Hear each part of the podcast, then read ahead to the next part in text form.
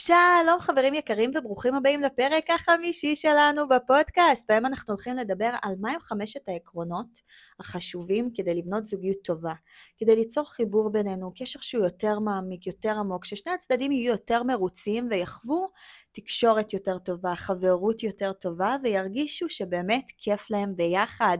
אז לפני שאנחנו נתחיל, חשוב לי לציין שאני ודודי מקבלים הרבה מאוד הודעות על כל מיני סיטואציות זוגיות שיש לכם, וכל מיני שאלות של איך אפשר לפנות אלינו וכולי, אז אנחנו הפעם הולכים לשים את המספר טלפון שלנו למטה, כל מי שרוצה לשמוע על הסדנאות המדהימות שלנו, על התהליכים הזוגיים או האישיים, אז אתם מוזמנים בשמחה.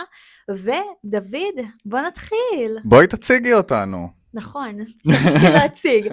אוקיי, אז למי שלא מכיר, קוראים לי נטע ברודיאנסקי, יועצת זוגית, מדריכת קלות ומאסטרית בשיטת הטיפול NLP, ויחד איתי נמצא בעלי דוד ברודיאנסקי, שהוא יועץ זוגי בחסד, עושה כל היום בלעזור לאנשים לצאת ממשברים מאוד מורכבים בקשר הזוגי, וגם בתהליכים אישיים שבעצם עוזרים לאנשים להגיע למקום יותר טוב גם עם עצמם וגם בזוגיות שלהם.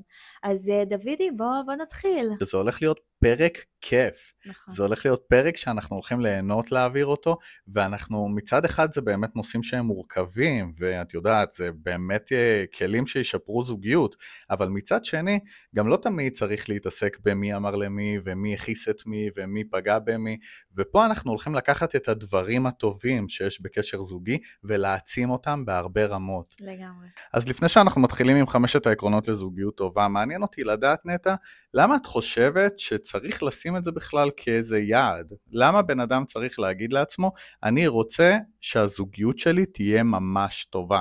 אני חושבת שזוגיות זאת המערכת הכי קרובה אלינו אחרי המערכת שלנו עם עצמנו. זאת אומרת, זוגיות זה איזה משהו שהוא נמצא, באמת תופס נפח כל כך גדול בחיים שלנו.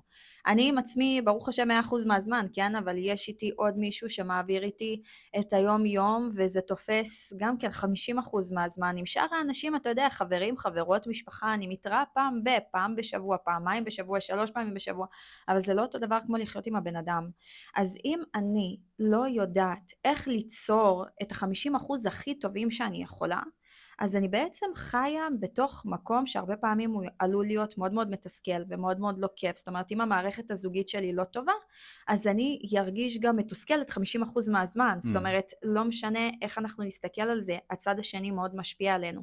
הזוגיות משפיעה עלינו. אם יש זוג ואין בו חברות, ואין בו מיניות, ואין בו כימיה, ואין בו תקשורת והכל, בסוף ככה זה, זה גם יורגש בבית, החוויה בבית תהיה חוויה פחות טובה, וגם חוויה אישית, כאילו קצת של אה, כישלון אולי. אז בגלל זה אני חושבת שברגע שאנחנו מדברים על עקרונות, וברגע שאנחנו נשים יעד, ווייז, לזוגות, אז הם ידעו לבוא ולעבור לצ'קליסט שלהם, ולהבין במה אנחנו יכולים להשתפר, מה אנחנו יכולים לעשות, ואני ואתה עושים את זה באופן קבוע.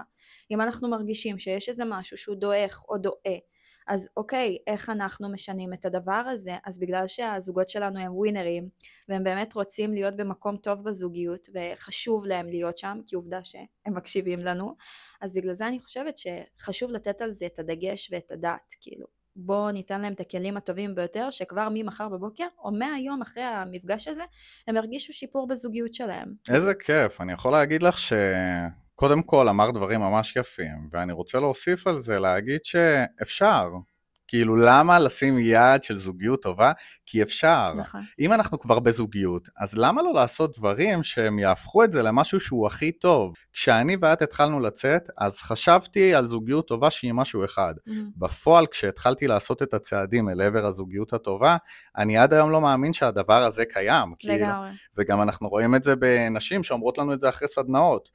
אני חשבתי שאני הולכת לקבל זוגיות פשוט שהיא נורמטיבית, בלי הכעסים, הריבים, הבעיות. כן, כן. אבל בפועל קיבלתי כאן מוצר שלא דמיינתי שהוא קיים. לגמרי. אז חשוב לשים את זה כיעד, כי פשוט אפשר לחיות חיים טובים וזה באמת לא קשה, אז למה להסתפק במה שיש, אם בצעדים ממש פשוטים וקטנים אפשר להגיע למשהו שהוא כל כך טוב. נכון. זה מדהים גם לחיות בזוגיות כל כך טובה, אני חושבת שזה הרצון של כל בן אדם. ממש ככה, זה הרצון של כולנו שיהיה לנו טוב, ובטח שיהיה לנו טוב בבית, שיהיה טוב לאשתי, שיהיה טוב לי, ושגם הילדים יראו פה הורים מאושרים, הורים, וואי, הור, נכון. הורים אוהבים, כאילו כמה זה חשוב. ומפה אני אקח אותך לעיקרון הראשון, ותספרי לנו מה העיקרון הראשון שיעזור לזוגות להגיע לזוגיות הרבה יותר טובה. העיקרון הראשון הוא, כל מה שאתה רוצה לקבל במערכת הזוגית שלך, קודם כל תיתן. למה הכוונה? הרבה פעמים אנחנו מרגישים שאנחנו רוצים לקבל הערכה. מצד שני, אנחנו לא מעניקים את ההערכה הזו לצד השני. אנחנו רוצים לקבל הקשבה, אנחנו רוצים לדבר מההתחלה ועד הסוף, ושיקשיבו ויהיו אמפתיים אלינו, אבל כשצד אחר מדבר, אנחנו קוטעים אותו ולא מאפשרים, לא mm. מאפשרים לו מקום. אנחנו רוצים הרבה פעמים לקבל קרבה, אבל אנחנו לא עושים דברים כדי להתקרב, זאת אומרת, הרבה פעמים יוצא לי לשמוע כזה בקליניקה, אתה יודע, שנגיד אה, מישהי מגיעה והיא אומרת, הוא לא יוזם, הוא לא עושה כלום כדי שנצא, ואז אני תמיד מחזירה אליה את הכדור ואני שואלת, מה את עושה כדי ליזום? אם מפריע לך שאין את היוזמה, מה את עושה כדי לשנות את זה? והרבה פעמים אנחנו ממש רואים שאנשים מבקשים או אפילו דורשים או אפילו באים בתלונות על הצד השני בדברים שהם עצמם לא נותנים לקשר הזוגי. Mm-hmm. כי ברגע שנותנים את הדברים האלה לקשר הזוגי, אז אתה יודע, זוגיות זה כמו מראה. מה שאני נותן זה מה שאני מקבל. Mm-hmm. אם אני אחייך, אני אראה את החיוך מהצד השני. אם אני אכעס, אז אני אראה את הכעס בצד השני. ממש כמו שאומרים, כמים הפנים לפנים, כך לב האדם לאדם. אז אם אני רוצה לקבל אהבה, צריכה להעניק אהבה. אם אני רוצה לקבל כבוד, אני צריכה להעניק כבוד. אם אני רוצה לקבל הערכה, צריכה להעניק הערכה. אם אני רוצה לקבל מגע, אני צריכה להעניק מגע. זאת אומרת, זה ממש בכל דבר, אז בעיניי זה העיקרון הראשון שהוא סופר חשוב. אם אתם רוצים משהו בזוגיות שלכם, ואתם מרגישים שזה חסר לכם, קודם כל תיצרו את זה אתם. תעשו את הצעד הראשון, תאפשרו את זה, ואז הצד השני גם יקבל דוגמה אישית. מהמם, ואני רוצה לקחת את זה למקום שהוא קצת שונה ולהוסיף, כי אני חושב שהדיוק הזה הוא יהיה מהמם עבור זוגות. הרבה פעמים אנחנו רואים בקליניקה שלנו שזוג מגיע, ואחד מהצדדים טוען, אני נותן הערכה בקשר, אבל אני לא מקבל את זה בחזרה. אני נותן כבוד בקשר, אבל אני לא מקבל כבוד בחזרה. ואני אתן דוגמה. הגיע זוג ליועץ זוגי, שבו הבעל טוען שאשתו לא מכבדת אותו. ואשתו אומרת, מה פתאום, אני הכי מכבדת אותו, והם רבים, מנהלים ויכוח. ואז האישה אומרת ליועץ, אתה יודע מה? אני השבוע הולכת לכבד אותו כמו שבחיים לא כיבדו אותו, בוא נראה מה קורה שבוע הבא. עובר שבוע ואז הם מגיעים ליועץ, והיועץ יושב ומחייך, נו, מה היה לכם השבוע? והאישה אומרת, אתה יודע איך איבדתי את בעלי כל היום מהבוקר עד הערב, אני רק מכבדת אותו. מזגתי לו לאכול לפני כולם, ונתתי לו לשבת בראש השולחן, וכשהוא נכנס אז עצרתי את הכל, ו- והתייחסתי רק אליו. כבוד מדרגה ראשונה. והבעל יושב ולא מבין על מה אשתו מדברת. היא כיבדה אותי במהלך השבוע? והיא מפרטת עוד ועוד פעולות שהיא עשתה. והוא אומר, כל זה לא כבוד מבחינתי. מבחינתי כבוד זה כשאני מדבר עם מישהו מהעבודה, את לא תצעקי לי, תעזוב את הטלפון, תבוא לשבת, תבוא לעשות אה, א', ב', ג'. ופתאום נפל האסימון לזוג הזה, ולכל זוג צריך ליפול האסימון, שכל אחד מאיתנו מפרש את המילים בצורה שונה. זאת אומרת שאם אני רוצה להכניס הערכה לקשר, לפני הכל, בוא נברר עם הצד השני מה אני יכולה לעשות כדי שהוא ירגיש מוערך בזוגיות. מהמם, אז מה שאתה בעצם אומר, זה שכל זוג צריך לשבת עם עצמו ולשאול אחד את השני, מה זה הערך הזה מבחינתך? זאת אומרת, מה, מה זה אומר מבחינתך כבוד? איך כבוד בא לידי ביטוי מבחינתך? מה שאני חושבת על כבוד ואיך שאני רואה כבוד זה לא איך שאתה רואה.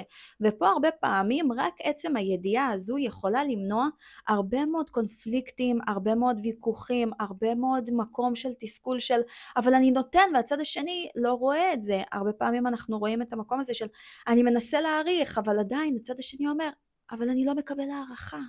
וזה בדיוק הנקודה הזאת ש, שדייקת אותה וזה מדהים.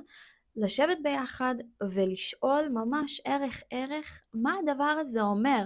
אפילו אני הייתי ממליצה באמת לעשות איזה ערב זוגי מגניב כזה, לקחת כל מיני מילים מהגוגל, זאת אומרת אפילו תקשורת, כבוד, אה, הערכה, אה, חופש, עצמאות, כל מיני דברים שיש לנו בזוגיות, ופשוט להכניס אותם על דף קטן, ושכל אחד ייקח קלף.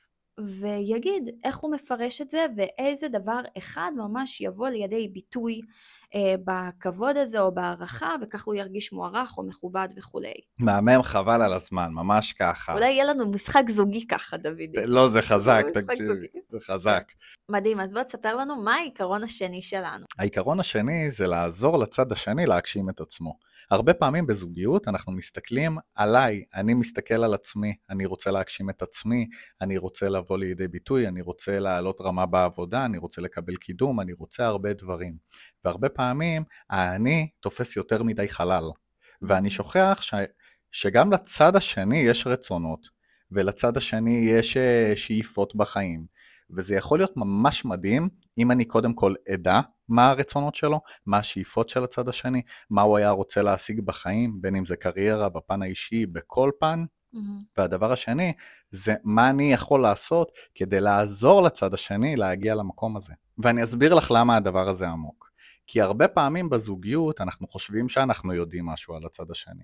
אנחנו נשואים כבר חמש שנים, עשר שנים, חמש עשרה שנה, ופעם ניהלנו שיחות נפש. את זוכרת, בעבר הנוסטלגי ישבנו ביחד ושאלתי אותך, נטע, מה את רוצה לעשות בחיים? ואמרת לי, ועם השגרה ועם הזמן ועם החיים, ילדים, עבודה, קריירה, השיחות האלה יצאו מהמערכת הזוגית. הם יוצאים הרבה פעמים לזוגות מהמערכת הזוגית, ואז לא עושים איזה עדכון גרסה. Mm-hmm. זאת אומרת שאם אני יודע שלפני חמש שנים רצית משהו, ולא ניהלנו שיחה חדשה על רצונות, שאיפות, על אה, מה את היית רוצה להשיג בחיים, אז אני לא יודע אם חל בעצם שינוי במקום הזה.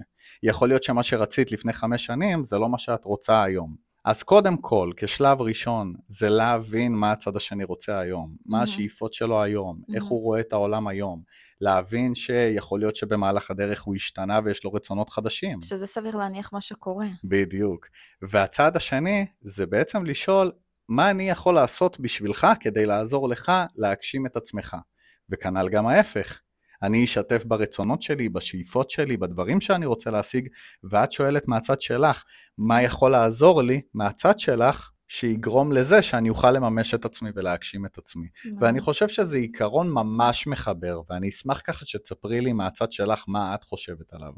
אני חושבת שהמקום הזה של באמת לדעת מה הצד השני רוצה ולעזור לו להגשים את עצמו, זה קודם כל מאוד משרת דווקא את הצד השני. למה? כי כשאנחנו רואים בן אדם מאושר, כשאנחנו חווים מישהו שמגשים את עצמו, אז גם הוא מביא אנרגיה אחרת לבית.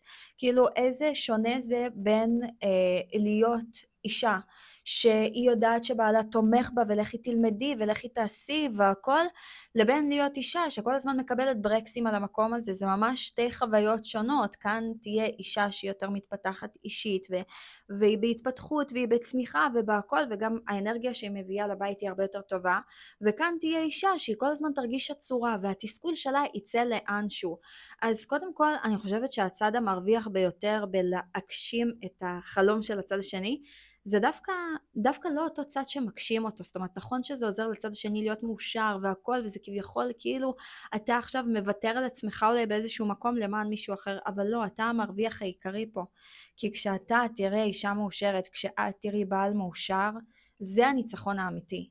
זה הדבר המדהים ביותר, ואם אני יכולה לתת לזה איזושהי דוגמה, נניח יש מישהו שהוא רוצה לקבל אה, העלאה בעבודה, ובשביל לקבל את ההעלאה בעבודה והעלאת תפקיד, אז מה שהוא צריך לעשות זה להישאר כל יום לצורך הדוגמה לאורך שעה, שעתיים בעבודה, להיות יותר נוכח בפרויקטים, להיות בשיחות מנהלים, לעבור איזושהי חפיפה, ואם הצד השני, זאת אומרת אשתו, תבין שזה מה שיגרום לו לצורך הדוגמה להגיע למטרה יותר עליונה, אה, להגשים את עצמו, אז לא יהיה את המקום הזה של התלונות, של למה אתה מתעכב בעבודה, למה אתה שעתיים לא עוזר לי, א', ב', ג', כמובן שגם אותו הגבר, כן, הוא צריך לשאול אותה, רגע, אני רוצה לקבל את הדבר הזה, ואני יודעת שאת יכולה לעזור לי בזה שתיקחי את העול, אני אומרת במרכאות, עלייך לאורך שעתיים, אבל אני מוכן להעניק לך א', ב', ג' גם, זאת אומרת, זה ממש יד רוחצת יד במקום הזה, של שנינו משתפים פעולה למען מציאות טובה יותר, שמצד אחד אני אעזור לך להגשים את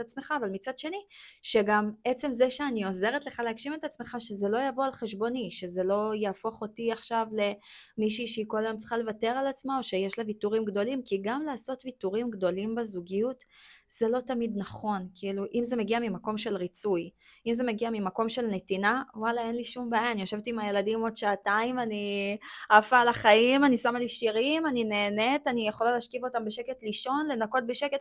אם זה עושה לך טוב, אז מדהים, אבל אם את מרגישה שזה נובע ממקום של כאילו, אני מרצה כאן, אז לא, אז המסר צריך לעבור בצורה אחרת. אז אני חושב שאם אנחנו לוקחים את הנקודה הזאת ועושים לה כזה סיכום יפה, אז זה לא צריך לבוא על הצד השני. זאת אומרת, אם אני רוצה לעזור לך לממש את עצמך, אז נכון, יהיה איזה מחיר שאני אשלם אותו, ואני צריך לדעת לשלם אותו בשמחה, אבל זה לא משאיר אותך נקייה רק לצורך הגשמת החלומות שלך. לגמרי. זאת אומרת, בהקשר ישיר לדוגמה שנתת על הגבר שאמור לחזור שעתיים יותר מאוחר מהעבודה, זה שאתה מגשים את עצמך זה מהמם ומדהים, אבל אתה צריך לקחת בחשבון שאשתך הולכת עכשיו להיות שעתיים יותר עם הילדים, המטלות של הבית לא משתנות, הדברים בבית לא משתנים, אז תשאל אותה, מה בזמן שאני נמצא אני יכול לעשות בצורה פרודוקטיבית יותר כדי גם להקל מעלייך.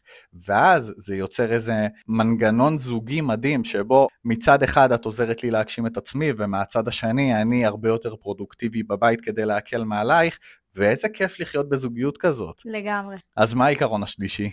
אז העיקרון השלישי שלנו זה לשדרג את הזוגיות ולשאול את עצמנו מה אנחנו יכולים לעשות כדי לשנות את המצב הנוכחי.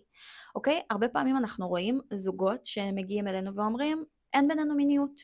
ואז אנחנו צריכים לשאול אותם, מה אתם עושים כדי שתהיה ביניכם מיניות? הרבה אנשים מגיעים ואומרים אין בינינו תקשורת, מה אתם עושים כדי שתהיה ביניכם תקשורת? אין בינינו כימיה, מה אתם עושים כדי שתהיה בינינו כימיה? אין לנו דברים משותפים ביחד, מה אתם עושים כדי ליצור דברים משותפים ביחד? זאת אומרת, המקום שלנו בזוגיות זה כל הזמן לשדרג את המקום שאנחנו נמצאים בו.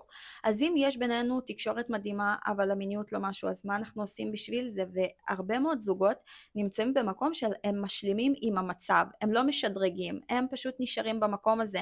אוקיי, התלונות נשארות אותן תלונות, והמעשים נשארים אותם מעשים. אז בעצם כל הזמן זה כמו מין לופ כזה שחוזר על עצמו. זאת נכון. אומרת, זה אפילו לא מאפשר מקום של צמיחה. אפילו ההסתכלות הזו. אז ההסתכלות החדשה שאנחנו באים בעצם להגיד כאן זה רגע שנייה, תשאלו איזה דברים יכולים לשדרג את המקום שאתם לא מרוצים בו, אוקיי? לצורך הדוגמה, אם אני יודעת שיש לי, אתה יודע, נשים בסדנת אה, נשואות, הרבה מאוד נשים, ברוך השם, עשרות נשים כל חודש שנרשמות, אלו נשים שהן בעצם רוצות לייצר שינוי בזוגיות שלהן. שהן לא רוצות כבר לדבר שינוי, הן רוצות לעשות שינוי בפועל, והתוצאות הן שאחרי חודש יש להן זוגיות חדשה לגמרי. ממש. זוגיות חדשה לגמרי, עם אותו הבן אדם, כאילו איזה מגניב, איזה כיף, למה? כי הם קיבלו כלים לאיך לשדרג את הזוגיות, איך ליצור תקשורת, איך ליצור מיניות, איך ליצור אה, אה, קרבה, איך ליצור שינוי בצד שלי שמשפיע גם על הצד השני, ממקום אוהב ואמפתי וכאילו אנחנו ביחד בדבר הזה. ואני חושבת שכל זוג באמת צריך לשאול את עצמו, אם אנחנו רוצים יותר תקשורת, מה אנחנו עושים? אולי נלך לסדנה ביחד, אולי נקרא ספר ביחד, אולי נשמע פודקאסטים ביחד, אולי נשב ונדבר על הדברים ו- ונבין מה חוסם אותנו מלתקשר. זה כל הזמן להיות במקום שבו אנחנו משדרגים את הקשר הזוגי שלנו, מתחזקים אותו, דואגים לא לתת לו לנבול. זה כמו האנשים האלה שלצורך הדוגמה הם רוצים שהגינה שלהם תהיה סופר מטופחת וסופר יפה, מצד שני הם לא לוקחים בתכלס את הצינור עם המים ומשקיעים את כל הפרחים ואת כל הצמחים ואת הדשא, אז כשהם חוזרים למקום הזה אז ברור שהם יראו קוצים ודרדרים ו... וכלום ושום דבר. אז בדיוק אותו דבר בקשר הזוגי שלנו, אנחנו צריכים לשאול, אם המציאות שלנו נראית כמו שהיא נראית, לצורך הדוגמה, אם אין תקשורת או אם אין דברים, אז יאללה בוא נתחיל להשקות. בוא נתחיל לצרוך מידע שיעזור לנו. סדנה, או אפילו להגיע לייעוד זוגי. תראה כמה זוגות מדהימים מגיעים אלינו שאנחנו רואים, המצב אצלם הוא טוב, אבל נכון. הם יכולים יותר טוב. הם רוצים יותר הם טוב. הם רוצים יותר טוב, הם, הם ווינרים, הם כאילו, הם אומרים, כמו שאני משקיע 100% בעבודה שלי, כמו שאני משקיע 100% בילדים שלי, כמו שאני משקיע 100% בבריאות שלי, אז אני רוצה להשקיע 100% בזוגיות שלי. ודווקא הזוגות האלה הם הזוגות היוצאי דופן שכולם מסתכלים עליהם ואומרים, וואו, איך הם הגיעו לזה, רק מה שהם לא יודעים. שהם עשו ייעוד זוגי. שהם עושים ייעוד זוגי, ושהם עוברים סדנות, ושהם לומדים, וששום דבר לא מגיע בגדר נס. נכון. שנופל מהשמיים, והנה זה, זה מקריות שיש לנו זוגיות טובה. לא. למי שיש זוגיות טובה, הוא הוא עבד עבד. על זה, למד את זה, ומה שנקרא, עשה עבודת אה, כפיים כדי להגיע למקום שבו הוא נמצא. ויותר מזה, הוא גם חווה כישלונות בדרך ודברים לא עבדו לו והיה להם ריבים ותקופות לא טובות, אבל הם הצליחו, הם החליטו שהם לוקחים את הזוגיות שלהם למקום טוב. ואני, אם את שואלת אותי מה הרגע שהוא הוא רגע מכונן בחיי זוגיות, זה הרגע שבו בני זוג מבינים שזה לא קשה לשנות את הזוגיות. נכון. בני אדם חושבים, וואו, לשנות את הזוגיות זה לעקור הרים ולא יודע, לכבוש עולמות. הם לא מבינים שעל ידי פעולות נורא נורא פשוטות אנחנו יכולים לחזור למקום שהיינו בו לפני הקשיים ולבנות על זה בסיס יציב ולהתחיל להתקדם ו- ולצמוח ופתאום כיף וטוב בבית ובאמת הפעולות הן לא, בואי, אנחנו אף פעם לא שלחנו מישהו לחוץ לארץ לשנות את הזוגיות. לגמרי, זה דברים קטנים בתוך הבית ברמה כאילו של... כן, ברמה של איך אני מנסח את המשפט, ואז במקום לקחת את זה לריב ולקטסטרופה, זה לוקח את זה לחיבוק ותמיכה ואהבה. ודווקא נקודת מפנה שתעצים את הזוגיות שלנו במקום עוד איזשהו ויכוח מיותר. ממש ככה. בדיוק. אז אם לסכם את הנקודה הזאת, זה חברים, תשדרגו את הזוגיות שלכם. זה גינה שצריך לטפח אותה. את אמרת לי את זה פעם, נראה לי.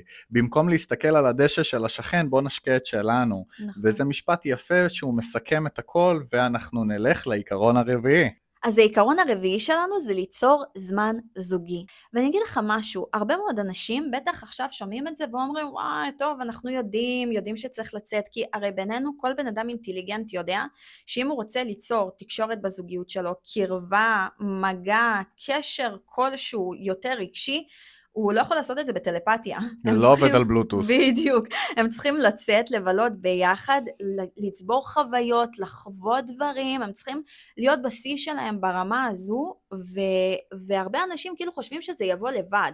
אז, אז לא, זה לא יבוא לבד, אנחנו צריכים ליצור את זה. יחד עם זאת, נכון, הרבה פעמים השוטף שוטף אותנו והשגרה ככה משבשת אותנו ואנחנו לא יודעים מאיפה אנחנו לוקחים את הכוחות עכשיו, עושים רגע פוס out לכל ה... אתה יודע, לכל הדברים ולכל המטלות ולהכל, ובאמת, לוקחים בייביסיטר ויוצאים. זה כאילו הרבה פעמים נראה כמו איזו משימה בלתי אפשרית, אבל למעשה אנשים לא מבינים איזה מחיר הם משלמים כשהם לא עושים את זה. נכון.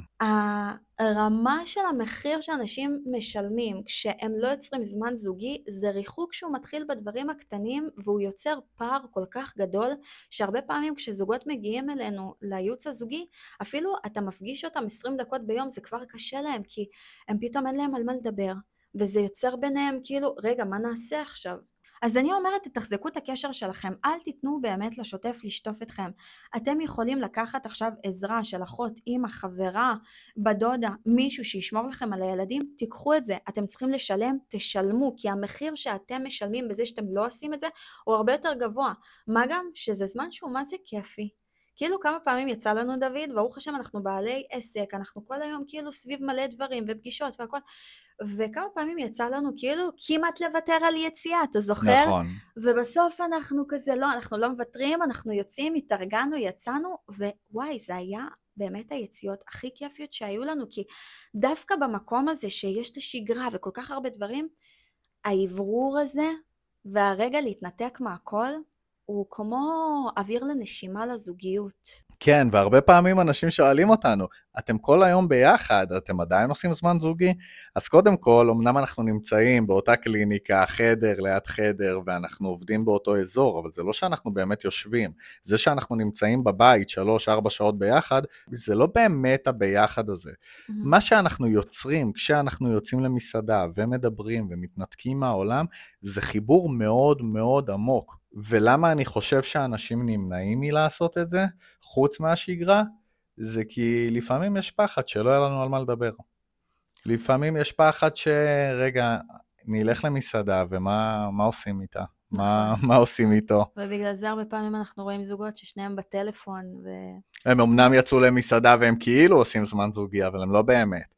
וכאן זה המקום לבוא ולהגיד, תקשיבו חברים, אם נוצר איזשהו ריחוק קטן, הכל בסדר, טבעי, אם אין לכם על מה לדבר.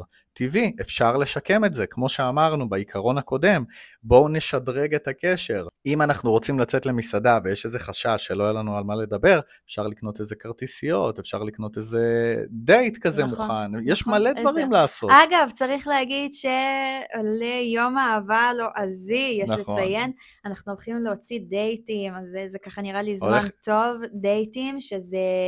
טוב, אני לא יכולה לספר פה, אבל זה כזה קיט של שלושה דייטים שהם מאוד מאוד מחברים, ועבדנו על זה מלא.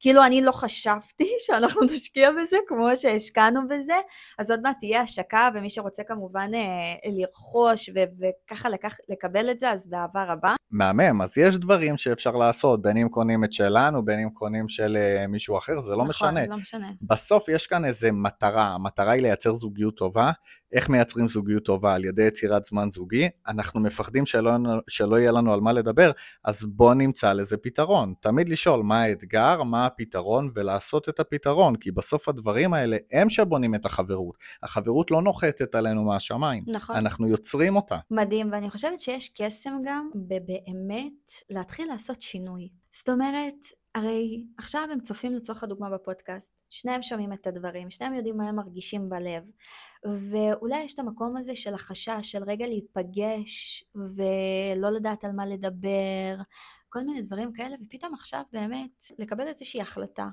של בוא נשפר את הקשר הזוגי שלנו.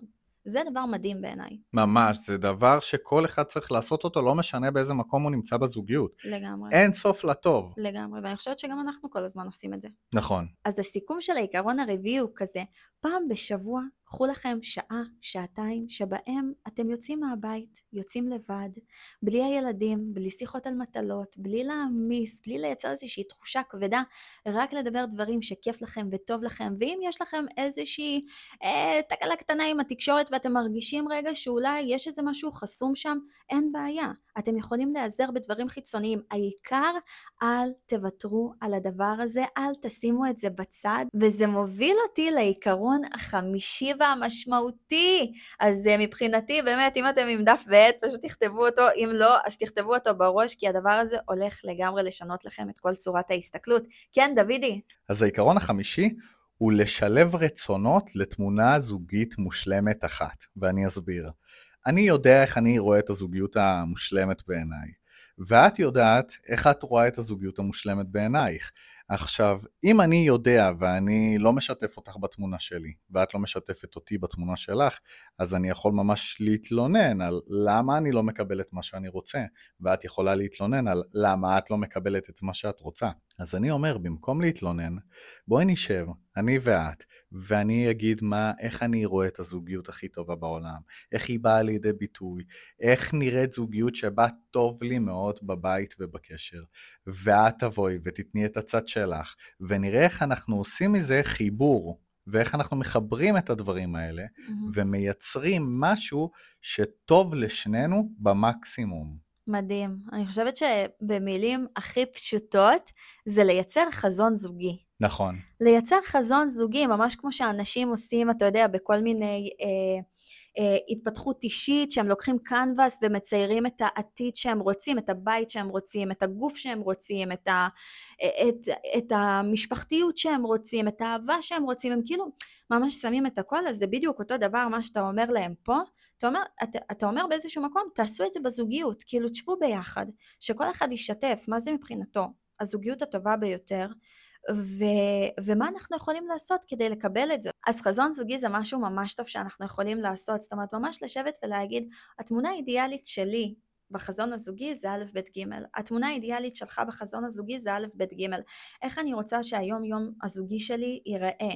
איך אני רואה את הזמן הזוגי שלנו? כמה פעמים אפילו מקיימים יחסים בשבוע? כאילו ממש ממש ממש לרדת לרזולוציות, לרדת לדקויות, כדי שיהיה כמה שפחות מקום של חוסר תיאום ציפיות ומקום של תסכול והכל. כאילו בוא נשים את הדברים על השולחן. בוא נדבר עליהם אפילו על איזה כוס קפה, תה, יין, בירה, לא משנה מה, כאילו בוא נעשה את זה כיף, ואז גם אנחנו נדע מה הצד השני רוצה בזוגיות. אז חשוב להגיד שלא תמיד מה שאנחנו רוצים, התמונה האידיאלית הזאת תתממש במלואה. אבל אם אנחנו נדע לשקף בצורה האמיתית והנכונה לצד השני את הדברים מתוך מקום מחבר ואוהב, אז אנחנו נתחיל להרגיש שינויים קטנים בקשר הזוגי, שפתאום הצד השני יותר אכפת לו מהניקיון, ופתאום לצד אחד יותר אכפת מהזמן הזוגי, ופתאום כאילו אנחנו נתחיל להרגיש כל מיני שינויים קטנים. בדיוק, אז את העלית את הנקודה של חזון אישי שעושים בכל מיני סדנאות וכנסים שעושים, ואומרים לבן אדם, אתה צריך להדביק על הקנבס מה שאתה רוצה.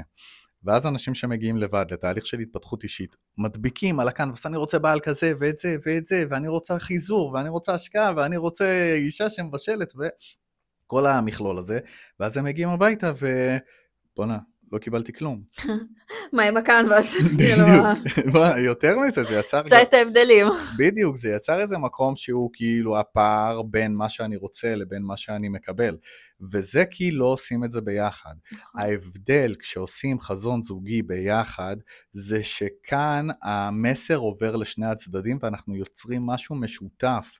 זה החזון הזוגי שלנו. אני רוצה לראות מה אני יכול לעשות כדי שהחזון שלך יתממש, ואת רואה מה את יכולה לעשות בשביל שהחזון הזוגי שלי יתממש, וכל התהליך הזה הוא יוצר את הזוגיות שאנחנו רוצים ביחד. נכון. זה לא משהו שאני רוצה ובואי תממשי לי את הרצונות שלי. נכון. זה לא. זה אני ואת יושבים ביחד על כוס יין ואומרים, איך ייראה הבית שלנו שיהיה הכי כיף בו בעולם. נכון. מה כל אחד עושה, מה התפקיד של כל אחד, ומה אנחנו הולכים לעשות מהיום כדי שיהיה לשנינו כיף. וכשעובדים מהנקודה הזאת שאני רוצה שיהיה לשנינו כיף, ולא רק אני רוצה לקבל, אז פתאום נהיה לשנינו כיף. אוקיי, okay, אז לסיכום, אלו היו חמשת העקרונות לזוגיות טובה. ואני חושבת שברגע שאתם באמת תיקחו את הדבר הזה לתוך הלב שלכם ותתחילו ליישם את זה ותעשו בפועל את הדברים שאנחנו מדברים עליהם, אז תתחילו לראות הרבה מאוד שינויים שמתחילים לאט לאט לאט, אבל בסוף תוך תקופה אתם תרגישו מציאות אחרת לגמרי. אז שמחנו להיות כאן היום, דוידי, כמה מילים? כמה מילים. אז אני חושב שתוך כדי שאני מדבר ומדבר על כל עיקרון, אז אני אומר, בואנה, זה צריך להיות פרק. אי אפשר להעביר את הנקודה החשובה הזאת על כל המרכיבים שלה בפרק אחד ולהכיל את הכל.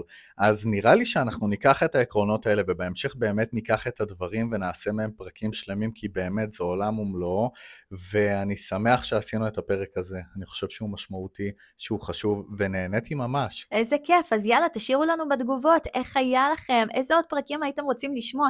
תעלו לנו כל מיני רעיונות, אנחנו מאוד מאוד קשובים אליכם, ואנחנו עושים ככה פרקים שאנחנו יודעים שאתם רוצים לשמוע אותם, אז שיהיה לכם בעזרת השם המשך סוף שבוע נפלא, ולהתראות.